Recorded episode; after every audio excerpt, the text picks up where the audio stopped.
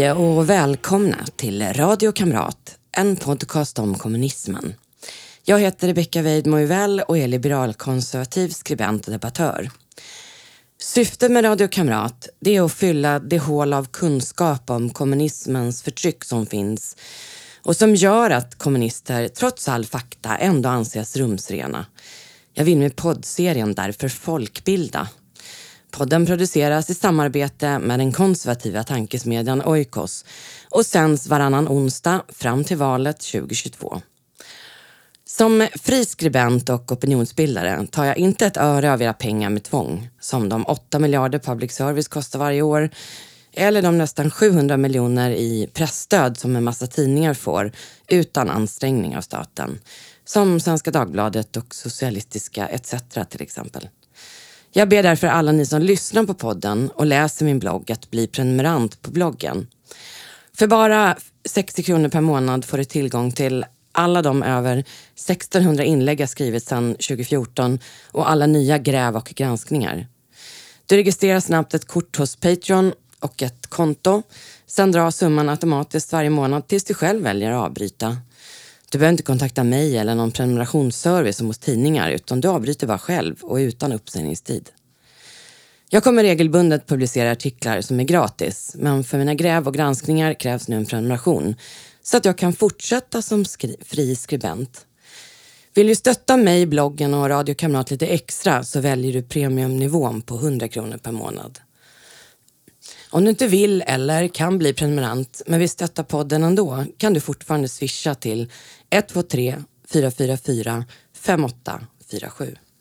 I förra programmet fick ni lära er mer om den socialistiska indoktrineringen av barn som fungerade utmärkt när vi hade ett statligt tv-monopol från vänstervridna SVT. I det här programmet fortsatte jag på samma tema för barnen skulle indoktrineras via alla slags kanaler och böcker var en sådan.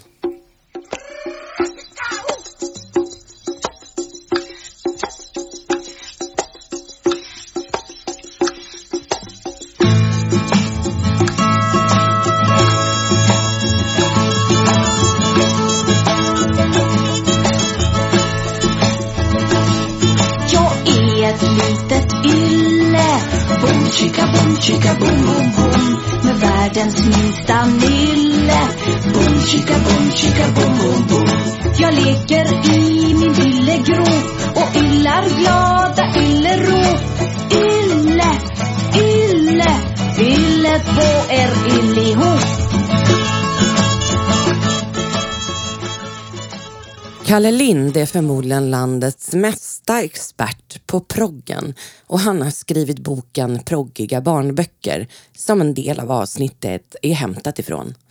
Bokförlaget Wahlström och Wistrand gav 1970 ut en radikal debattserie de döpte till Nu! utropstecken.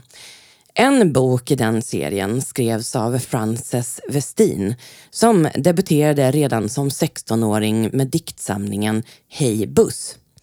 Hennes bok hette Handbok i barnindoktrinering och den är en slags symbol för kulturradikalismen och den socialistiska uppfostran som pågick.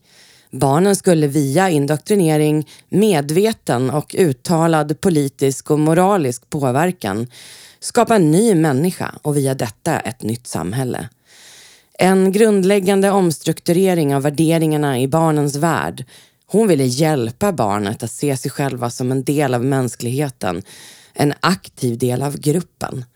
Via socialistisk indoktrinering och därmed en humanistisk. Hon har sagt, jag tror att ärlighet och objektivitet ger barnen möjlighet att självklart välja socialismen. Jag försöker inte dölja för barnen vilka otroliga framsteg som gjorts under Mao Zedongs tänkandes stora röda baner. Men jag försöker inte heller att dölja att det kan komma ännu större och rödare baner att traska under. Tjänare ska tjäna sin herre snällt betjäna men ingen lön förtjäna jag är en tjänare En tjänare ska tjäna liksom de andra fäna tills bena går på knäna. Jag är en tjänare. Tjänare, tjänare, tjänare. Westin har en rad handfasta råd i sin bok. Prioritera lekar som leks tillsammans, med vuxna alltså. Tala med barnen från att det är nyfött om viktiga frågor. Staden är vår, låt barnet gå naket ute. Om barnet är trött, gå in på närmaste hotell och natta barnet i lobbysoffan. Hon lär ut hur man uppmuntrar barn att bryta mot lagen. Föräldrar uppmanas att låta barnen att jamma med kollektivmedlemmarna till långt på natten och att föräldrar skulle diskutera Maus och Castros förträfflighet med sina tvååringar. Hon har även med stycken om barn och erotik. För på 70-talet kombinerades den bra tanken om fri kärlek men den inte så fräscha idén om att barn hade en sexualitet. Tesen var att barn skulle uppmuntras till fysisk och erotisk närhet, inte bara med föräldrarna utan även med andra vuxna. Andra uppmaningar i boken är att aldrig inge barnen respekt för lag och ordning och att demonstrationer bör genomföras när barnen inte sover middag så att de kan vara med och är vakna för att höra budskapen. Boken har blivit en symbol för den vänstervridna barnkulturen.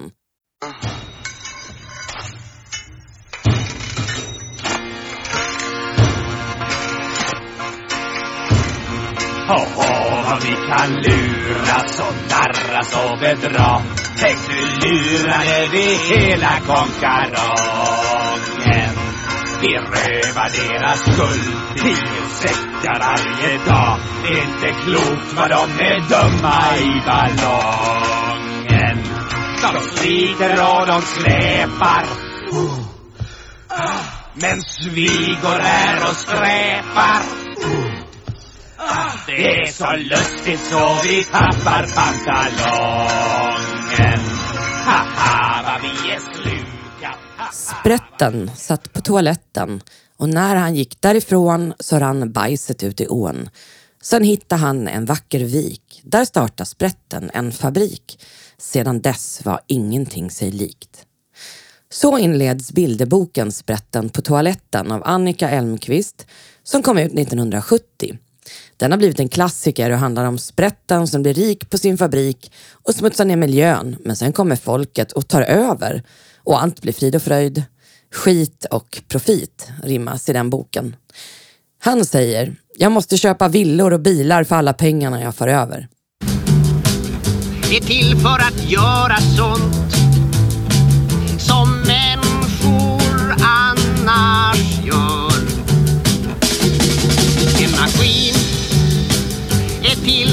Människors liv ska vara mindre hårt än förr. Men om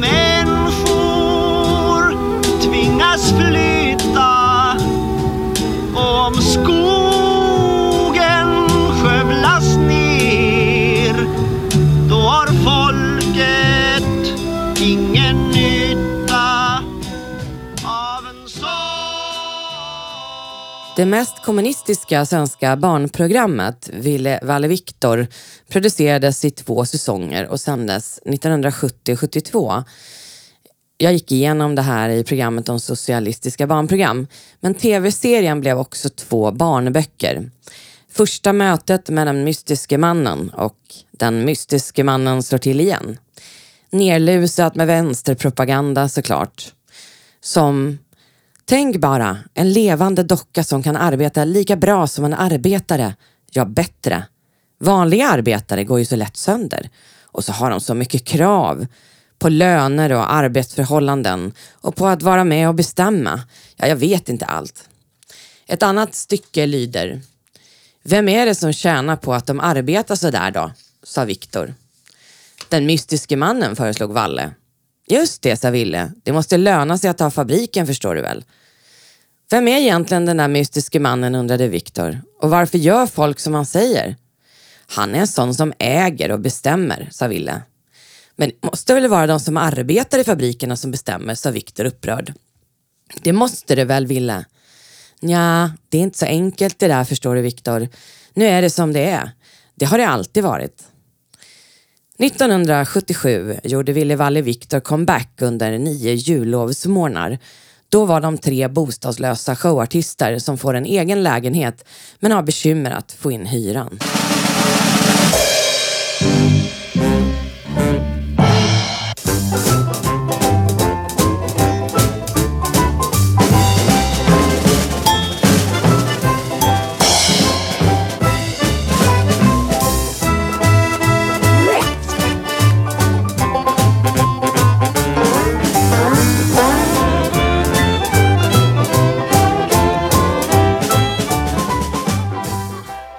Bamse, det är min uppväxt stora stjärna eftersom Disney ju var Satan. Han är världens starkaste björn, men också världens starkaste socialist och barnindoktrinerare. Bamse skapades för över 50 år sedan av Rune Andreasson 1966 och hans äventyr inleds i en seriestripp i tidningen Allers. Sju år senare fick han en helt egen tidning. Från början var Bamse en redodlad äventyrsserie. Bamse och hans vänner besöker månen, vilda västern och andra spännande platser. Men ganska snart vävdes socialismen in i berättelserna på 70-talet och framåt. Skurken, Krösus Sork, introduceras. Kapitalisten med hög hatt som sprängde en bro och byggde en ny, bara för att kunna ta betalt för folk som gick över. Genomgående i serien är leksaksaffären Bamses mormor Anna-Silla äger hotad för att Krasse Sorg ska bygga ett stort varuhus som säljer lågprisleksaker. När Bamse blir pappa och får trillingar märker Rune Andreasson att Bamse inte har en tillräckligt progressiv kvinnosyn. Så Bamses fru Brummelisa får ge sig ut i arbetslivet. Hon börjar arbeta hos Krasse Sork där hon startar en fackförening. Bamse pratar i varje tidning eller tv-avsnitt om att många små är starkare än en, till exempel Krösus Sork. Han åker tidsmaskin till Robin Hood och lär sig att folket alltid måste göra uppror mot förtryckare. Skaparen av Bamse vägrade konsekvent att ha reklam i tidningen. Det gäller även idag. Här hör ni ett klipp från Bamse. Dra! Kom igen!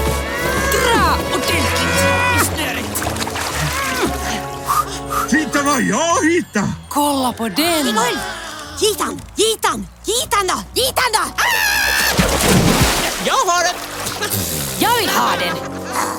Åh,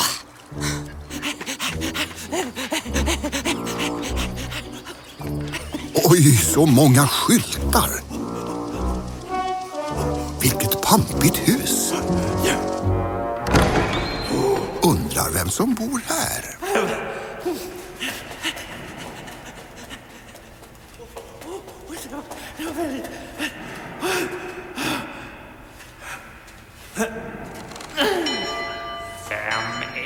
Som står?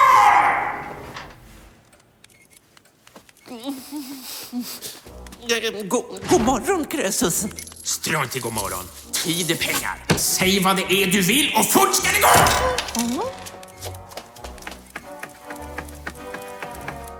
Varsågod. Är det... Är det... Guld! Det ser jag väl! Jag vet väl hur guld ser ut. Var har du hittat det? I bävrarnas damm. I Kalle Linds bok Proggiga barnböcker tar han upp en rad olika exempel på socialism i barnböcker. Som till exempel Ordfronts Tror de vuxna att vi barn inte tänker på det? Där ett barns ritade bilder kombineras med politik. Som bilden Pappa gillar Janne Myrdal till exempel. Huvudpersonens bokjag är Jocke, som alltså är barnet som ritar, är idén. Och Jocke är mycket politiskt medveten. Ett litet socialistiskt underbarn faktiskt. Ibland på kvällarna kör tvn politiska filmer som är från verkligheten. De programmen gillar jag. Då brukar jag få vara uppe längre än annars.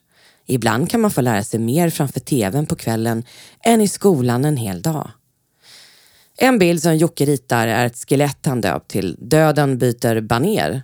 Skelettet håller en amerikansk flagga. En annan visar påven med texten Här är påven och hans lilla p-piller. Han är verkligen anti-p-piller den gubben. Jag hoppas verkligen han åker på en sån smäll att han åker på 50 barn själv, så får han se hur lätt det är.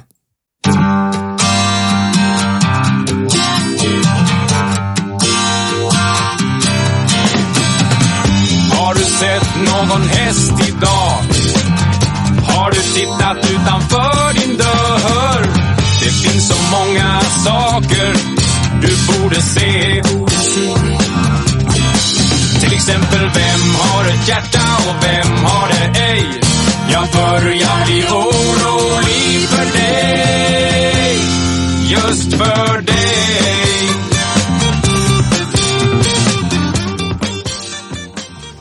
Ordfront gav också ut barnboken Vad händer i Grekland? Som enligt texten i säljkatalogen var en enkel och konkret barnbok om fascistjuntans tortyr och folkets motstånd och innehöll väldigt grafiska bilder av just det där. Som beskrivningen av tortyr. En bild med svartmålade soldater och en bunden människa på golvet med texten Det här är falanga. De slår fången hårt med en käpp på fotsulorna så att det går stötar genom kroppen och gör jätteont. Fången blir skadad för livet. En bild på skenavrättning finns också med. Ett av alla socialistiska bokförlag hette Gidlunds och grundades av Gunnar Orlander som gick under aliaset Dr. Gormander. En övertygad maoist och före detta chefredaktör för kommunisternas tidning Gnistan. 1969 gav de ut boken När barnen tog makten och handlar om daghemmet Kanonen där barnen med hjälp av en rostig kanon och en grötgerilla tog makten från fröknarna och gick segrade i kampen mot tråkiga leksaker, morötter, otäcka poliser, Gunnars rika pappa och allt dumt i världen som det står på baksidan. Ren revolutionsromantik där ett till femåringarna bildar gerillagrupper, kastar ketchup och filmjölk på dagisfröknarna som föreställer kapitalisterna givetvis och tar makten över leksakerna, det vill säga produktionsmedlen. Men de stöter på problem, som Gunnars pappa. Han är kapitalist och försöker köpa barnen med pengar. Boken avslutas med Folkets ledare säger, det räcker inte med att vi gör uppror. Det räcker inte med att vi bara går ut på gatorna och säger att vi inte vill vara fattiga längre. Nu måste vi göra revolution. Vi måste bli listiga. Vi måste slåss i hemlighet. Vi måste bilda en folkets armé som vet hur den ska driva soldaterna och de rika på flykten. Nästa gång ska ingenting kunna hejda folkets flodvåg. Det här är ett citat av Mao.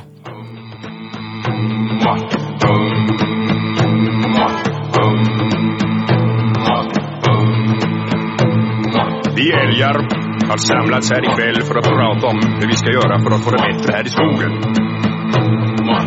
Älgarna har ju tidigare alltid fått bestämma över sig själva. Men nu har vi fått vissa problem som vi måste ta itu med. Älgarna demonstrerar. Älgarna har fått nog. Älgarna vill ha trygghet här i sin egen skog. Vi älgar kräver för det första totalt förbud mot all jakt i skogen. För det andra stoppa alla kalhyggen. 1970 gavs boken Olle och fabriken ut med teckningar av Lars Westman som sen blev dokumentärfilmare och var gift med Gudrun Schyman som då var socionom. Huvudpersonen Olle ville minsann inte gå i töntiga skolan. Han ville arbeta. Det hårda arbetet gör Olles muskler större, står det i boken. Och därför kan nu Olle vara med och bygga en ny fabrik åt sin gamla kompis Hilbert som är rik eftersom hans farfars far var slavhandlare i Afrika. Den där Hilbert, sa arbetarna, han gör ju ingenting. Varför ska han inte vara med och arbeta? Men Olle lugnade dem och sa, han kan ingenting. Han har bara gått i skola. Han har aldrig fått lära sig arbeta. För fysiskt arbete är det finaste som finns, tycker en barnboksförfattare och en dokumentärfilmare. När eh, fabriken är byggd vill den onde kapitalisten Hilbert inte dela med sig. De tjänade 100 000 och han tog hälften så fick arbetarna dela på den andra hälften. Olle och hans arbetarkompisar blir arga och går till borgmästaren och klagar. Men får veta att Hilbert har rätt eftersom lagarna skrivits av kapitalister. Sen flyttar Hilbert fabriken söderut och alla blir arbetslösa. Men boken slutar lyckligt för den tomma stängda fabriken tas över av arbetarna. Produktionsmedlen hamnar hos folket. Slutet gott, allting gott. Jag flyt in! Jag flyt in! En central byråkrat, en central byråkrat Han får inte vara lat En central byråkrat, en central byråkrat Han får inte vara lat Han måste jobba och se till så att människorna inte får bo där de vill. Man kräver resultat av en central byråkrat Men vem är det som kräver? Man, man, man kan inte ha kvar människor på platser där det inte lönar sig att ha dem. Eh, Det måste ju vara fel att ha kvar sådana människor. Nej, jag menar platser.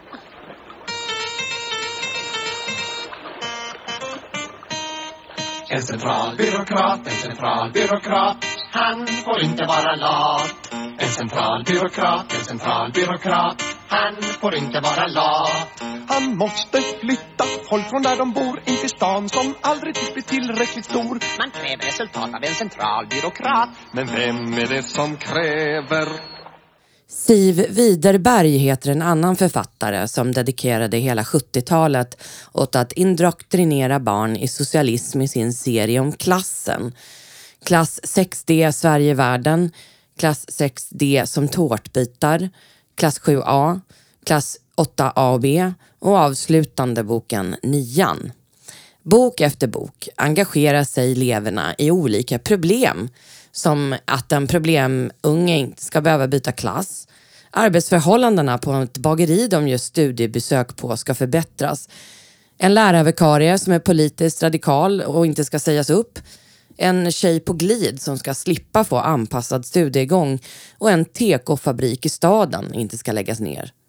En mycket politiskt medveten grupp i klassen tar gång på gång initiativ till klassiska vänstergrejer som demonstrationer, ifrågasätter grupparbeten, motarbetar den reaktionära rektorn och klasskamraten Sten vars pappa är kapitalist och medlem i Rotary.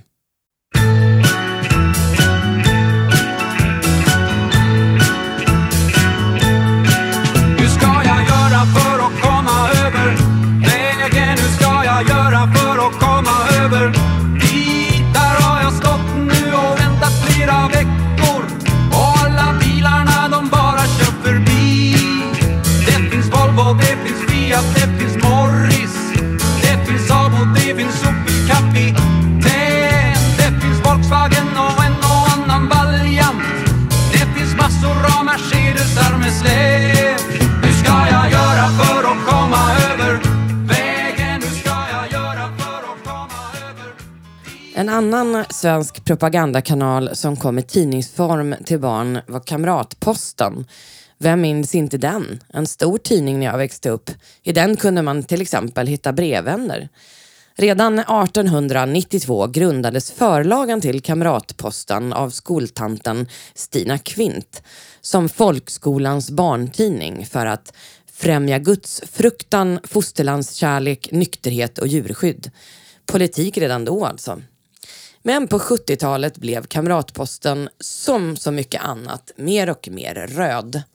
Rubriker som “Vem bestämmer dina föräldrars lön?” “Stoppa den grymma säljakten” och “Få bort avgaserna” eh, till exempel från 1977. Varje nummer i princip innehåller en artikel om ett barn och dennes livsvillkor i tredje världen. En läsare skriver en insändare och frågar om det verkligen är nödvändigt att ha så många slumreportage. Redaktionens svar enligt Kalle Linds bok var följande. Vi började prata om vad som är bra och dåligt i livet när vi satt där i vårt röda rum. Klart dåligt i slum och ruffiga bostäder, vara hungrig ofta, föräldrar i fängelse, dåliga skolor, epidemier, smuts. En unge som lever i en sån värld har det dåligt. Men då är det väl viktigt att man pratar om det. Vi kan väl inte bara låtsas som det regnar. Det är många före oss som tyckt någonting i den stilen. Jesus och Mohammed och den helige Franciscus och Martin Luther King och Marx och Lenin och Robin Hood och Albert Schweitzer och Mao och alla andra.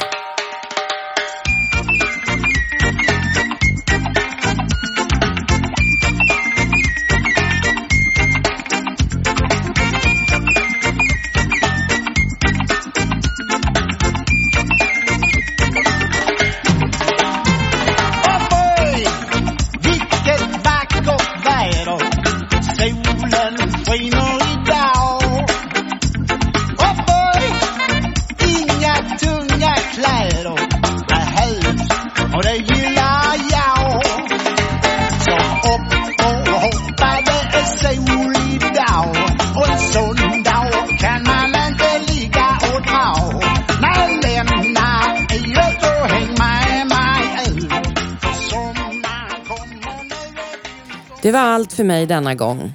Det kommer ett nytt avsnitt om två veckor. Podden produceras i samarbete med den konservativa tankesmedjan Oikos. Sponsra projektet genom att bli Patreon på patreon.com eller swisha 123 444 5847. Och jag hoppas såklart att du väljer att bli prenumerant på min opinionssajt. Berätta gärna för fler om podden. Ju fler som lyssnar, desto mer påverkar vi. Tack för att ni lyssnat. På återseende.